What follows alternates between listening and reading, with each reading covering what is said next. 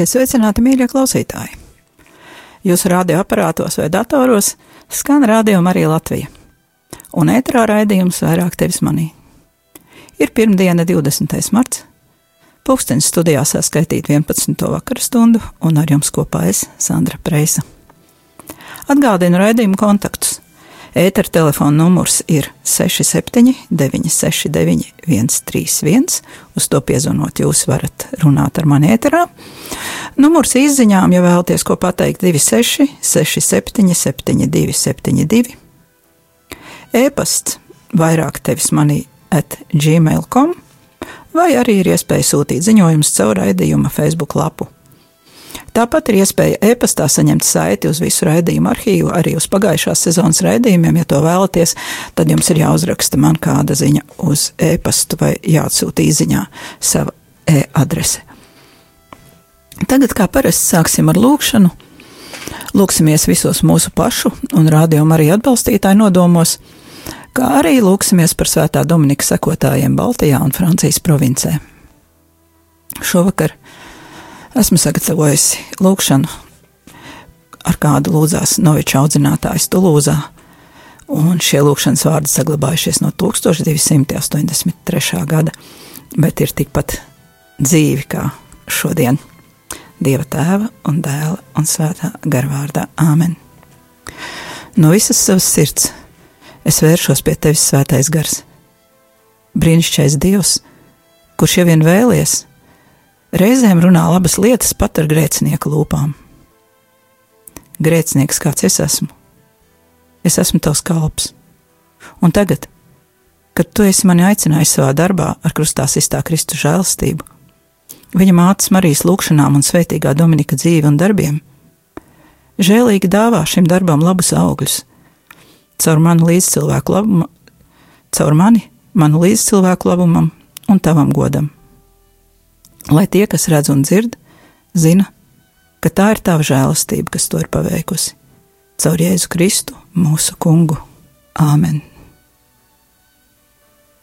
Oh, oh, oh, oh.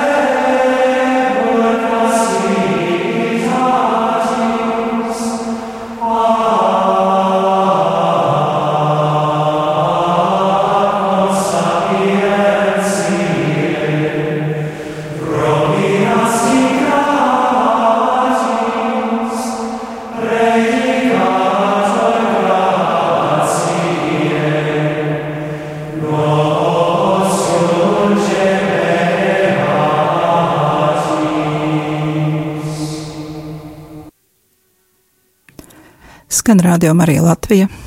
Raidījums vairāk tevis manī, un studijā esmu es Sandra Preisa.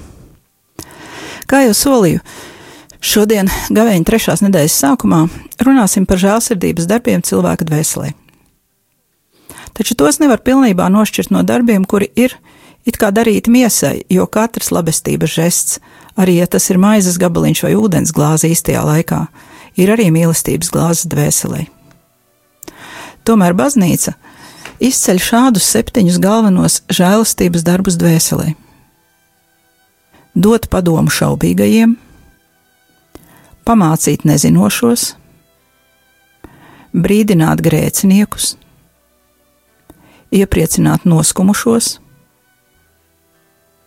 piedot aizvainojumus, pacietīgi panest netaisnības un lūgt Dievu par dzīvajiem un mirušajiem. Ja uzmanīgi ieklausījāmies, tad visi šie žēlsirdības darbi ietver sevī personīgu saskarsmi ar otru cilvēku, tātad attiecības. Vienīgi lūgties, par kādu mēs varam personīgi ar šo cilvēku nesatiekoties. Bez tam, gribam mēs to vai nē, Savas dzīves laikā katrs no mums var nonākt gan devēja, gan saņēmēja lomā. Un abas lomas ir vienlīdz svarīgas, lai tas galā patiešām izrādītos žēlsirdības darbs un estu dievam patīkams augļus abu cilvēku dzīvēs, kā devēja, tā saņēmēja. Viens no centrālajiem punktiem pāvesta Franciska vēstījumā šā gada gavēnim ir tāds: Katrs cilvēks, vai tas būtu mūsu kaimiņš vai nabaks, kuru nepazīstam, ir dāvana. Savukārt Katrīna no Sienas kādā no savām vēstulēm izsaucas: Kura gan un kāda sirds spētu būt tik cieta un iecirtīga, ka pat noliekšanās un mīlestība, ko taisniedz dieva labestība, nespēja to atmiekšķēt. Mīliet, mīliet! Apdomājieties, ka jūs tiekat mīlēti vēl pirms jūs iemīlat. Fragments no vēstuļu izlases. Katrīna nespēja pat iedomāties, ka uz mīlestību varētu neatbildēt ar mīlestību bet mēs iespējams no savas dzīves pieredzes zinām, ka var gan. Iepriekšējo raidījumu pēc dziesmas mēs noslēdzām ar pārdomām par to, ka cilvēki neiet prom no saviem draugiem vai mīļajiem vienkārši tāpat vien. Nekad nav tā, ka vainīgs ir tikai viens, tas, kurš aizgāja. Katra situācija ir ļoti individuāla, un attiecības ar otru cilvēku ir liela māksla. Es apzināti negribu teikt, ka par attiecībām ir jācīnās vai ka tas ir smags darbs. Cīņa un smags darbs tie gan nes augļus, taču šie augļi mēdz būt bez garšas un smaržas. Tāpēc es drīzāk izvēlos attiecības saukt par mākslu. Arī jebkura īsta laba māksla ir liela darba rezultāts, bet tās auglis ir pilns viegluma, krāsu un smaržu aiz izcila mākslas šedevra nekad neredz to milzīgo darbu, kur ir ieguldījis autors. Līdzīgi ir arī, ja pavērojam olimpiskos čempionus, īpaši garo distanču skriešanā vai peldēšanā. Tas ārējais vieglums ir pārsteidzošs. Liekas, ka spēks vispār netiek lietots, viss notiek pats no sevis. Savukārt pēdējo vietu ieguvēji izskatās stipri nopūlējušies. Bet tas nemaz nenozīmē, ka labākie visu ir guvuši bez piepūles. Tieši otrādi. Tas šķietamais vieglums ir milzīga ieguldītā darba, laika un pacietības auglis. Līdzīgi ir arī jebkurās attiecībās, gan ar Dievu, gan ar cilvēkiem. Laimīgās ģimenes vai kopienas tāpat veido cilvēki, nevis dievi vai pārcilvēki. Un aiz ārējā viegluma vienmēr ir ieguldījumi, pietiekami lieli, lai tie vairs nebūtu redzami. 127. psalms saka tā: Ja kungs neuzcels namu, veltīgi pūlis tie, kas to būvē. Ja kungs nesargās pilsētu, velti nomodā ir tas, kas to sargā. Veltīgi jums celties pirms gaismas un vēliet atpūtā, jums, kas ēdat sūri pelnītu maizi, jo ko viņš mīl, tam iedod divkārtīgi. Mēs patiešām visu saņemam no Dieva. Bez viņa žēlastības mūsu vispār nebūtu, un visas mūsu pūles būtu nu, veltīgas, jā, mūsu nemaz nebūtu. Taču tas nenozīmē, ka saņemtās dāvanas nebūtu jāattīst un jāliek lietā. Atcerēsimies līdzību par talantiem. Mateja evaņģēlīja 25. nodaļā, 14 līdz 30. Talants Jēzus laikā bija 30 kg smags sudraba gabals. Mūsdienu vērtībās rēķinot apmēram 60 tūkstoši dolāru. Tam cilvēkam, kurš savu talantu apraka un nelika lietā, tas tika atņemts un atdots tiem, kur savējos bija pavairojuši. Mūsu dienās no šīs līdzības ir izveidojies vārds talants, un mēs visi lietojam šo vārdu pārsvarā attiecībā uz sportu vai mākslu. Taču talants vai talants var būt pilnīgi jebkas, ko esam saņēmuši spēja iemācīties svešvalodas, spēja uzklausīt otru cilvēku, spējas būt par labu grāmatvedi vai ārstu vai pavāru. Katram ir kaut kas, ar ko viņš var kalpot citiem. Saņēmuši mēs esam pilnīgi visu, sākot ar dzīvību, un tāpēc devēja priekšā mēs arī esam atbildīgi par visu, par katru nodzīvoto savas dzīves minūti. Kā jau minēju, jebkurš žēlsirdības darbs pēc savas būtības ietver sevī attiecības un attieksmi. Dažreiz šīs attiecības ir pavisam īslaicīgas, ja mēs palīdzam kādam svešiniekam. Dažreiz tās veidojas garas un ilgstošas, ja tās ir ģimenē, kopienā vai draugu lokā. Pirmais nosacījums, lai žēlsirdības darbs izdotos, ir attieksme. Gan ar kādu dodam, gan ar kādu saņemam. Pāvests saka, ka katrs cilvēks ir dāvana. Bet vai mēs piedzīvojam cilvēkus kā dāvanas? Un vispirms jau paši sevi. Vai mēs sevi piedzīvojam kā dieva dāvanu mums pašiem un arī apkārtējiem cilvēkiem? Vai mēs esam pateicīgi par savu dzīvību, par savu dzīvi un tās iespējām, kuras mums ir? Jo citiem taču varam dot tikai to, kas mums ir. Vai mēs spējam atbalstīt šaubīgos, pamācīt nezinošos vai iepriecināt noskumušos? Vai arī paši nemitīgi kurnam un esam neapmierināti ar dzīvi? Pāvests runā par to, ka bagātnieku līdzībā par bagātnieku un lāceru, kur viņš piemin savā gaveņa vēstījumā. Bagātnieku aklu padara viņa pārliekā apmierinātība un lepnums ar savu bagātību. Bet tieši tāds pats ļaunums ir arī nepateicība un mūžīga neapmierinātība. Arī tās padara aklu.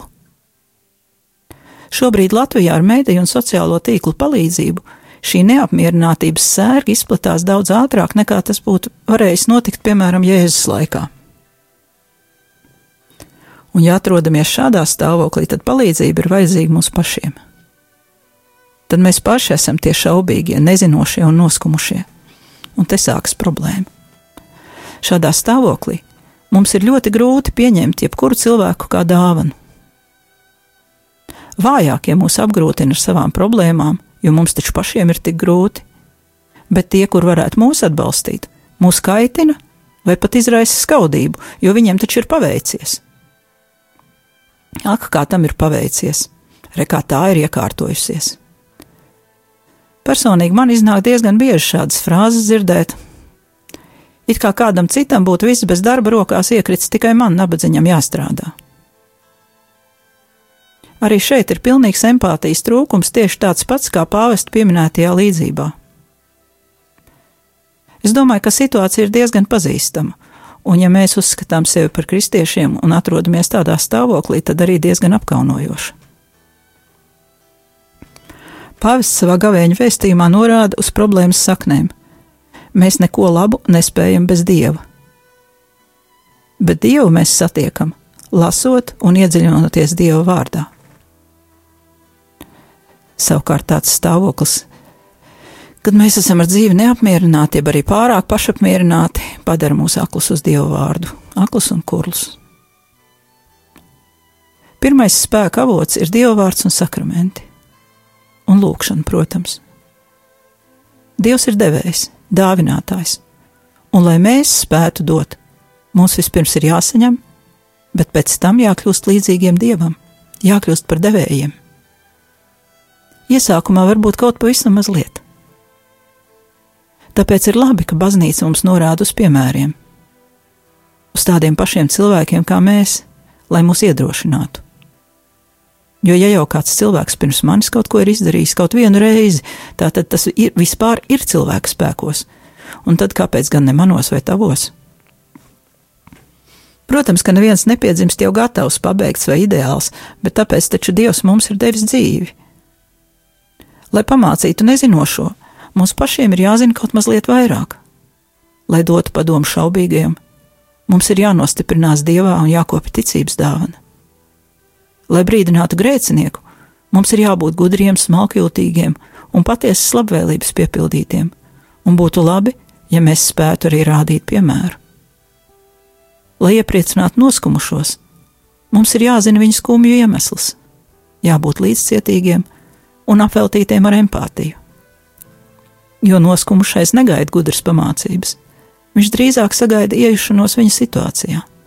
Spēja varbūt vienkārši kopā paklusēt, vai arī kādu darbību, lai palīdzētu viņam sajust kaut mazliet prieka. Tās ir situācijas, kurās mēs esam devēji. Bet, lai dotu, mēs paši nevaram būt tukšām rokām. Un tomēr Dievs neprasa pārspēkiem. Gudrības grāmata māca tā: Nelūkojies pēc tā, kas tev ir par grūtu, kas nav tavos spēkos. Necenties izdibināt, bet to, kas tev ir piesacīts, to pārdomā. Jo tev nav vajadzības pēc apslēptā.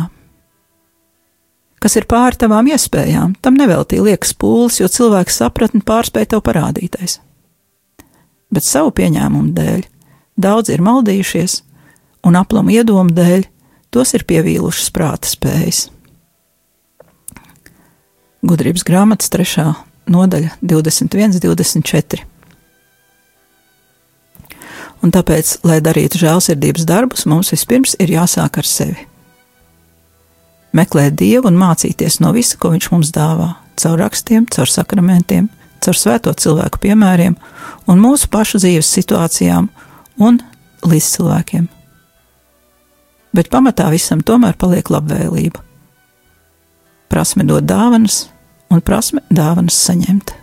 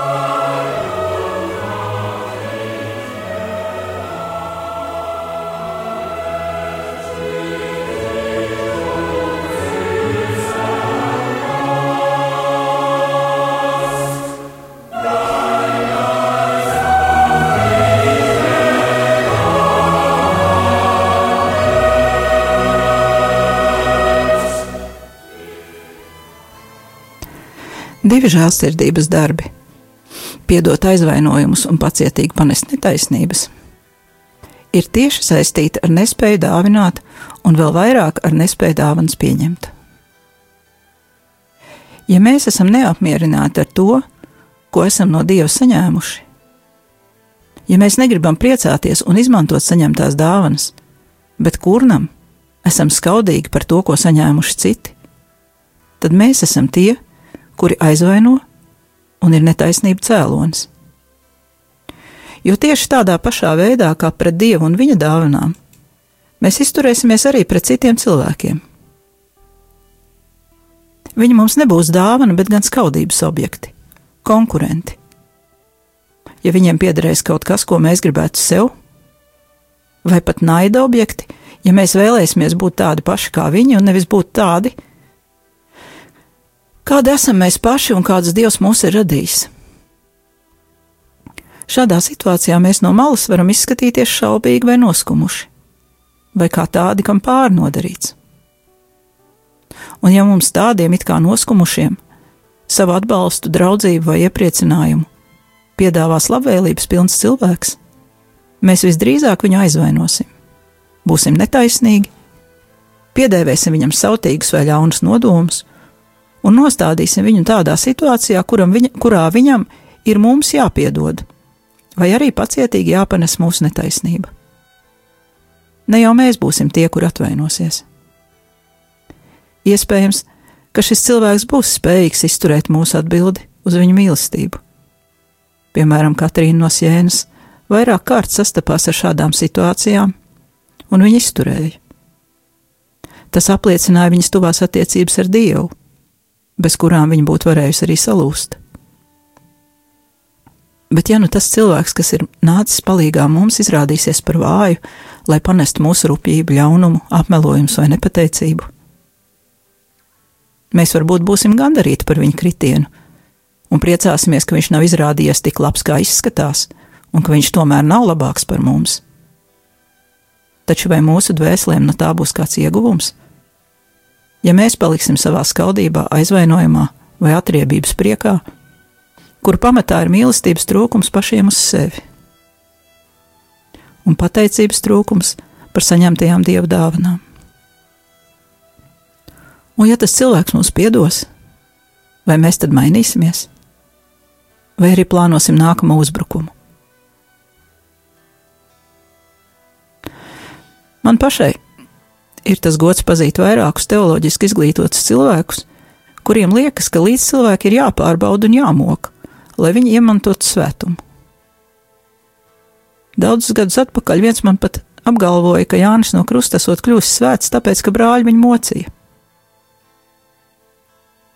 Nezinu, Dominika neviens brālis nemocīja, bet gal galā arī viņš ir svēts.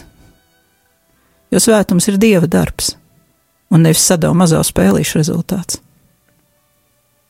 Neviena vieta svētajos rakstos nesaka, ka mums dieva bērniem būtu jādara otram cilvēkam sāpes, jāapmelo, jāizsmej, lai pārbaudītu viņa svētumu. Kā lasījām gudrības grāmatā, savu pieņēmumu dēļ daudz ir maldījušies un aplamu do, iedomu dēļ tos ir pievīlušas prāta spējas.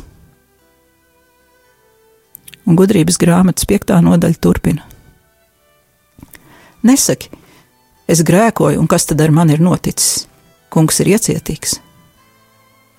Neuzdrošinies krāt grēku pie grēka piedošanas vārdā, un nesaki, viņš ir tik žēlsirdīgs, ka man piedos daudzos grēkus. Viņš žēlo gan, bet arī dusmojas un viņa niknums nāks pār grēciniekiem. Mēs, protams, varam teikt, ka tā ir vecā derība, un ka jaunās derības Dievs ir žēlsirdīgs.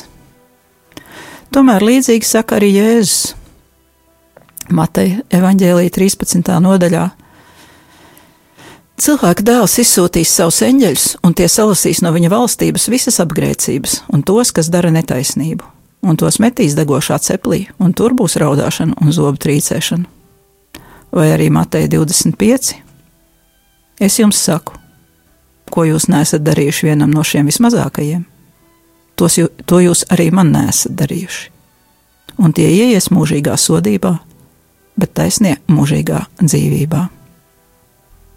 Tas ir Mateja Evanģēlijas 45. un 46. pāns, bet jūs noteikti atceraties to līdzību par tiem, kuri tika atdalīti kā Jēzus teica, kā aitas no āžiem, kuri bija darījuši labu šiem mazajiem un kuri nebija.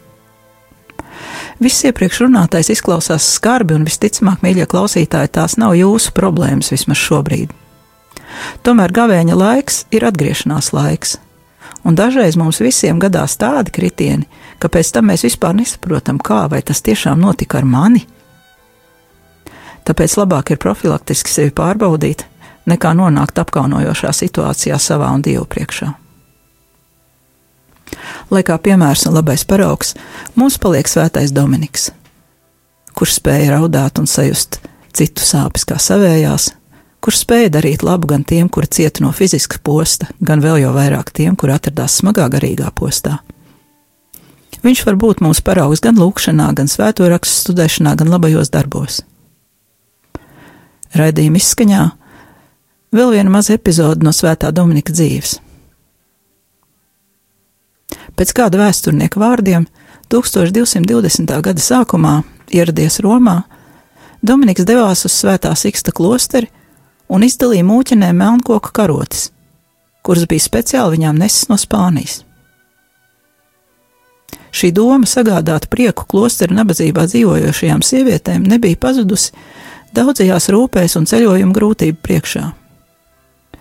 Dominiks bija nesis šīs karotes kā sveicienu no savas dzimtenes apmēram 750 km, kājām pāri Alpiem no Spānijas uz Romu, nesis uz saviem pleciem ceļojuma maisā, jo nekad nepieļāva, ka kāds cits nestu viņa mantas. Lai Dievs mūs svētī! ka mēs spētu nest prieku citiem vienkārši tāpat, no savas labās sirds. Tas bija raidījums vairāk tevis manī. Es, Sandra Preis, atvados no jums ar lūkšanu svētiem Dominikam. Oh.